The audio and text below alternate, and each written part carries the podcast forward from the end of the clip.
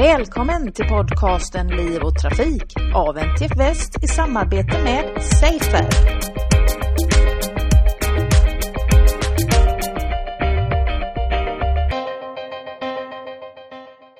Idag så hälsar jag eh, Gustav Markula välkommen till programmet Liv och Trafik. Välkommen Gustav. Tack så mycket. Du är eh, forskare en Safer-forskare som är anställd av eh, Volvo Group Trucks Technology och du forskar vid Chalmers i ett forskningsprojekt tillsammans med Volvo personvagnar och VTI. Och din avhandling eh, är snart klar. Här i slutet av mars ska du disputera med den. Och det handlar om eh, eh hur man modellerar förarbeteenden för att kunna utvärdera aktiva säkerhetssystem. Så att vi ska nu eh, prata lite grann om din forskning och du ska få förklara vad, eh, vad är en modell för förarbeteenden och eh, vad innebär det att utvärdera aktiva säkerhetssystem? Mm. Ja, visst. Eh, precis, det var rätt uppfattat där. Eh, du frågade eh, vad en eh, förar modell är och vad det ska användas till eh, i utvärderingen. Och man kan väl säga så här att man, eh, man kan börja i den här änden att man jämför det lite grann med vad vi eh, gör och har gjort ganska länge kring det som vi kallar för passiv säkerhet. Vilket är hur ett fordon klarar av en krock när det väl en krocken är ett faktum så att säga. Så, så gör vi ju väldigt mycket tester på att eh, köra in ett, ett, fordon i en vägg eller liknande. Och, och där har vi även ganska länge jobbat med att eh, för att bli mer effektiva och kostnadseffektiva göra det i datorsimulering. Man kan simulera eh, tusen stycken krockar och köra en på riktigt så är det väldigt mycket billigare. Och då eh, är väl det som jag håller på med en lite naturlig fortsättning av det när även de här aktiva säkerhetssystemen som vi kallar dem då, alltså system som varnar eller griper in med bromsingrepp finns ju redan idag och på sikt också mer och mer kanske styringrepp och på sikt så rör vi oss mot det här med eh, semiautomatiska eller automatiska. Eh, men när det handlar om de här systemen då eh, och när de griper in och försöker förhindra en olycka så så vill vi, vi har liksom börjat så som naturligt är kanske då att vi har testat dem i riktiga fordon och så vidare. Men, men nu vill vi i takt med att de blir mer och mer avancerade och kräver mer och mer testning göra det även datorsimulerat av samma anledningar som i det passiva fallet. Att det blir billigare helt enkelt? Billigare och kan bli mer heltäckande. Eh, eh, liksom billigare och tidseffektivare och, och bättre på vissa sätt också. Just för att man kan i en datorsimulering kan man testa så väldigt många olika fall eh, på olika sätt och man kan eh, då till exempel eh, om vi tänker de här aktiva säkerhetssystemen kan man då har man ju massa liksom Eh, Eh, parametrar i systemet, massa rattar man kan skruva på liksom. Och då kan man prova att skruva på de där rattarna och så kör man om simuleringen och så ser man vad som funkar bäst. Men då det som eh, min roll i det här är ju då eh, förarbeteende. För i många av de här aktiva säkerhetssystemen så, så hänger det inte bara på systemet hur bra det ska bli. Det vi vill titta på här i simuleringarna är ju Blir det någon krock eh, överhuvudtaget? Här, vi försöker undvika krock eller vi försöker lindra den så mycket som möjligt. Eh, och om vi då ska kunna säga någonting om huruvida det är en viss situation med ett system blir en krock eller inte eh, så behöver vi ta med förarbeteendet i det där helt enkelt. Vilket innebär att vi då när vi ska köra en simulering även måste kunna simulera förarbeteende. Eh, det är liksom den nästa logiska eh, insikten på något sätt då. Och eh, då, eh, ja, eh, då har vi kört ett projekt här ett tag eh, på att titta på ett antal specifika fall. Där vi ville kunna utvärdera olika säkerhetssystem. Och då har vi fått titta på förarbeteende i de här fallen och försökt göra matematiska modeller som fångar beteendet. Hur eh, rent konkret ser de här simulatorerna ut då? Är det olika datavärden som eh, man matar in i ett program? Du får beskriva lite för oss som inte har en aning om hur det här ser ut. Just det, hur ska jag förklara det på ett bra sätt? Att, um, man kan tänka sig um, Egentligen eh, så tanken ska ju vara då att om du tänker hur en människa fungerar så, så sitter ju människan bakom ratten och så ser människan världen utanför. Eh, på olika sätt. Eh, man får in annan information också kanske. Man känner hur bilen rör sig och så vidare. Men mycket av bilkörning bygger på syn. Eh, och, och sen så det som föraren lämnar ifrån sig till bilen är ju att han styr med ratten och använder pedalerna och, och kanske en växelspak också. Och det vi vill göra då det är en litet, litet datorprogram kan man säga. Eller en liten matematisk modell, en matematisk funktion som, som tar in ungefär samma saker som föraren tar. En form av beskrivning av omvärlden. Eh, och lämnar ifrån sig det som en riktig förare skulle ha lämnat ifrån sig i samma situation i, i termer av eh, rattrörelser och pedalanvändning. Vad är eh, resultaten i din forskning nu? Vad är det du har kommit fram till? Har du bidragit till att kalibrera de här modellerna på något sätt? Eller vad är det som har varit din uppgift? Uppgiften har varit eh, att eh, dels som det alltid blir i forskning att man måste titta väldigt mycket på vad massa andra människor har gjort. Och det har gjorts en hel del på området men, men det vi har hittat egentligen är väl att det eh, att vad det som har saknats är att man har använt, alltså att man verkligen har, man har inte riktigt tittat på verklig data på hur människor gör i de här. För nu handlar det om att liksom, verkligen kritiska situationer. Vad gör en förare när det håller på att smälla? Mm. Eh, och det är ju något som är ganska svårt att mäta. Eh, det har inte funnits så mycket data tidigare. Eh, kan ju vara en anledning till att man då inte riktigt har testat de modellerna som funnits tidigare bra. Så det vi har gjort är att vi har samlat in data. Dels med sådana här körsimulatorstudier men det börjar också komma mer och mer nu att det, eh, liksom det finns faktiskt inspelade krockar. Det har du säkert sett på, på Youtube. Sådana här dashcams. Liksom man kan se mm. de mest eh, hårresande händelser. Eh, och, och, den där typen av data börjar finnas nu vilket innebär att vi faktiskt kan titta på, på riktiga eh, trafikolyckor eller sånt som var nära trafikolyckor och se hur föraren betedde sig i de här. För ibland i vissa fall så finns det även eh, kan man se en bild av föraren också i vissa av de här systemen. Så, så, baserat på den typen av data så, så har vi nu kunnat börja liksom sortera bort en del idéer om hur förare kanske gjorde och mer kunna liksom säga att nej, men det verkar som att de gör så här i en kritisk händelse. Eh, och eh, så min roll har varit att då i de här vissa specifika eh, eh, scenarier med vissa specifika system eh, faktiskt sätta, ja, säga hur modellerna ska se ut och sätta siffror på så att man verkligen kan simulera dem i en, eh, i en dator och sen göra de simuleringarna för att få utvärderingsresultat och eh, kanske förbättra systemen också. Mm. Kan du avslöja någonting då om hur beter vi oss i en väldigt kritisk situation? Mm. Det är en bra fråga. Eh, vi eh, beter oss kan man säga eh, vad ska man säga, det är den liksom tydliga hypotesen som kommer ur det jag har gjort eh, utan att kunna säga att det är helt bevisat eller så, så är att vi egentligen beter oss ganska mycket som vi gör eh, även i liksom mer rutinmässig körning. Det, att vi har eh, vi tar in olika eh, stimuli, olika saker vi ser omkring oss till exempel då. Eh, vi kan se från vårt perspektiv hur vägen sticker iväg åt det ena eller andra hållet. Vi kan se hur ett fordon framför oss växer emot oss för att vi håller på att komma närmare. Eh, och det där reagerar vi på dagligen liksom från sekund till sekund i vår vanliga körning på olika sätt. Och då har vi olika liksom mm, vad ska man säga tumregler vi har lärt oss. Det är, det är, inget vi är medvetna om. Det är extremt, eh, det är ganska häftigt bilkörning på så sätt tycker jag att det är en, det är en sån automatiserad och omedveten process. Vi vet inte vad vi gör. Vi, vi är väldigt duktiga på det. Vi krockar ju nästan aldrig. Eh, och det är då för att vi har utvecklat ett antal, eh, tycker jag att det ser ut som ett antal väldigt bra tumregler för hur vi ska reagera på när saker rör sig omkring eh, utanför vårt fordon.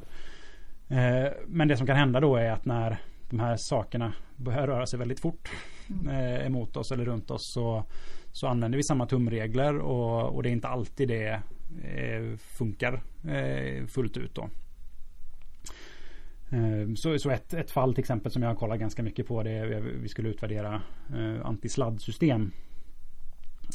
Och då har vi ju typiskt ett fall då att världen börjar snurra utanför oss och då då har funnit ganska tydliga tecken på att vi Ja, alltså en, en tumregel som funkar bra eh, i normalkörning eh, är att om, om vägen framför dig sticker iväg åt ett håll så följer du efter den med ratten. Och sticker den iväg snabbare åt det hållet så snurrar du på ratten snabbare för att följa efter vägen. Och det är en jättebra tumregel i normalkörning men när det börjar sladda så är, så är det inte nödvändigtvis en bra eh, tumregel. Och det leder till den här typen av liksom överkompensering som, som man kanske kan ha upplevt att man själv har ägnat sig åt på någon halkbana eller liknande. Och det som är lite intressant från min forskning på just det då är att det, det verkar väldigt svårt att, att, att inte göra så. Och det kan, på ett sätt kan man tänka att det följer ganska naturligt av att om det är en väldigt bra tumregel att göra så normalkörning innebär det att vi sitter och gör det timme ut och timme in. Vi reagerar precis på det sättet eh, hela tiden i normalkörning så är det det blir, det blir att, att, jämföra med en, en reflex att du liksom sparkar till med benet när någon slår dig på knät. Eh, det är väldigt svårt att inte göra så när du får sladd. Då får du eh, köra mycket rally eller liknande gissar jag. Ja, är det, är det rimligt att anta att vi ska kunna lära oss att hantera de här kritiska situationerna eller eh, kan vi helt förlita oss på de aktiva stödsystemen då och eh, kanske hellre bli mer passiva eller hur ska vi tänka som förare? Nej, alltså det, jag, jag tror inte man, man kan inte utgå från att föraren ska eh, kunna eh, liksom på något magiskt sätt veta att han måste använda en annan tumregel om vi ska kalla det så i de här kritiska situationerna utan det, det, det är ganska naturligt att det, det, det blir så här. Eh, utan det, det, rollen för de aktiva säkerhetssystemen blir just då att, att gå in där föraren kanske faller till föga. Det finns ju redan idag system som till exempel bromsar. Om man ser att föraren eh, börjar bromsa eh, hyfsat hårt så kanske systemet eh, kanske kniper i ännu mer. För att just lite av, eventuellt av samma anledning, den här tumregeln, så tenderar vi att bromsa inte tillräckligt mycket i, när till exempel ett fordon framför oss bromsar väldigt hårt.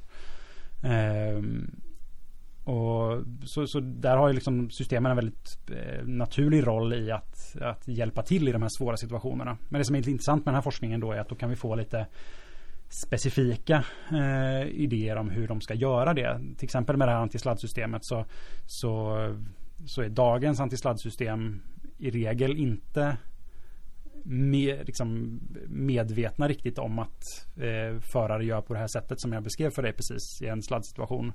Eh, det är liksom inte en kunskap som har funnits tidigare. Eh, att det har varit en så pass tydlig regel som det verkar vara i det jag har gjort. Och då, eh, då innebär det att dagens antisladdsystem antagligen, även vi vet att de funkar bra, det finns liksom olycksstatistik som visar det. Antisladdsystem är verkligen ett sånt system som man kan se att det hjälper verkligen. Eh, men eh, det som jag har gjort tyder på att man skulle kunna göra det ännu lite bättre. Okej, okay, jag förstår. Så att systemen mer anpassar sig efter hur människor faktiskt reagerar i de kritiska situationerna så att man eh, understödjer eh, eller kompletterar människan på ett bra sätt och att det inte går tvärs emot. Är det så jag ska uppfatta det du säger? Mm, ja men precis, det är den här typen av eh, liksom, att man går i verkligen på djupet med hur förare gör och förstår hur de beter sig och kanske till och med också modellerar det matematiskt gör det ju Ja, det är, en, en, en nästa nivå av förståelse av förarbeteende som möjliggör sådana systemförbättringar. Kan du nämna något exempel när ni har eh, haft eh, människor och testat beteende på eh, förarbeteende som kanske har varit lite oväntat? Och vad är det för testpersoner ni använder er av i de här övningarna? Ett intressant exempel är något som min kollega i projektet som också har doktorerat inom projektet Ola Benderius heter han. Han jobbar på Chalmers. Eh, han har tittat mycket på hur eh, människor svarar på att eh, bilen gör ett eh, ingrepp i ratten så att säga. Att det finns idéer om, som sagt, jag nämnde det tidigare, att man kan undvika olyckor genom att fordonet själv ger sig på att, att styra under en händelse till exempel. Och då vill man ju titta vad, vad gör en människa när det helt plötsligt ratten sticker iväg åt något håll. Eh, och då, då har vi sett att det har funnits tendenser till att man, man håller emot och motverkar den här, eh, det här ingreppet. Så det Ola gjorde var att han, eh, han var nyfiken på att förstå det här fenomenet mer i detalj. Om det var något som var inlärt för att man hade kört mycket bil eller om det var eh, något som mer var på nivån av en eh, alltså reflex. Eh, återigen som kanske var, låg, var mer grundläggande än en bilkörningsreflex. Så det han gjorde var att han eh, körde en sån här körsimulatorstudie där han eh, hade eh, ett antal eh, föräldrar som körde men han hade också deras 12-åriga barn. Som, eh, där vi hade försökt kolla så att de hade så lite som möjligt erfarenhet av eh, bilspel med ratt och liknande. Och helst inte skulle ha cyklat. Det var några som cyklade jättemycket i alla fall. Eh, och så eh, testade vi precis det här att, eh, att barnen fick eh, köra i körsimulatorn och eh, blev utsatta för sådana här plötsliga ryck i ratten. Och det som var intressant då var att Ola kunde se att barnen reagerade precis på samma sätt som sina föräldrar eller andra förare vi har testat med. Att de höll emot, vilket då skulle kunna tolkas som att det här det är något som är ganska grundläggande snarare än något som man har lärt sig som förare. Då. Så det är instinkten säger till oss att korrigera när någonting sliter i ratten. Ja precis, att vi, vi har det i viss utsträckning så är det liksom en grundläggande egenskap hos vårt neuromuskulära system om man ska säga så då att, att, eh, att vi, vi ställer in det på olika sätt och om någon yttre störning eh, försöker flytta på så Eh, så håller vi emot. Det är precis det. Eh, det är en aspekt av det i alla fall som är just den här, jag nämnde den här knäreflexen förut. Det är just det att man, man förlänger muskeln där.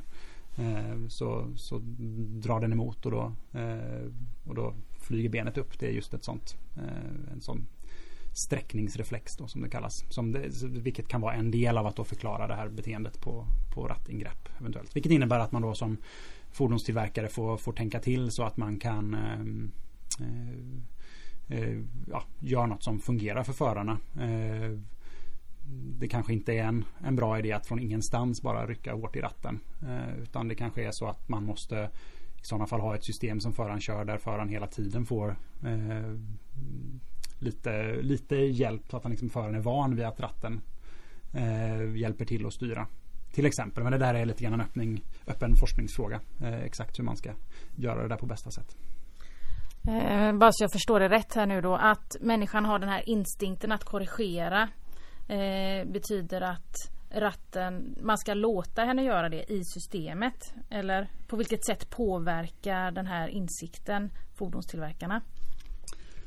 Det är, jag, jag kan inte svara för det i detalj men men eh, det, det, verkar inte vara en, en jättebra idé att från ingenstans rycka hårt i ratten som sagt utan att det, Eh, men däremot finns det vissa andra studier som tyder på då att om en förare har ett, en, en ratt som lite grann kanske hela tiden är med och hjälper till att styra i kurvor och eh, gör lite det som föraren själv ändå skulle göra.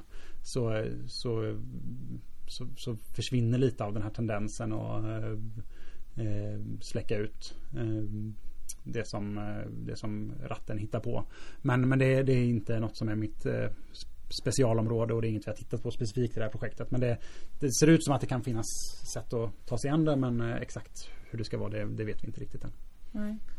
Men det syftar alltså till att eh, föraren ska känna en viss bekvämlighet och acceptans inför eh, den känsla hon får inför systemet. Så att säga. Är det korrekt uppfattat? Ja, det tycker jag man kan säga. Vad bra, men då får jag tacka dig så jättemycket för att du kom hit idag. Eh, och lycka till med eh, avhandlingen och disputationen. Tack så mycket, kul att vara här. Det var allt från Liv och Trafik för denna gång. Jag heter Angela Elvård och tack för att ni har lyssnat.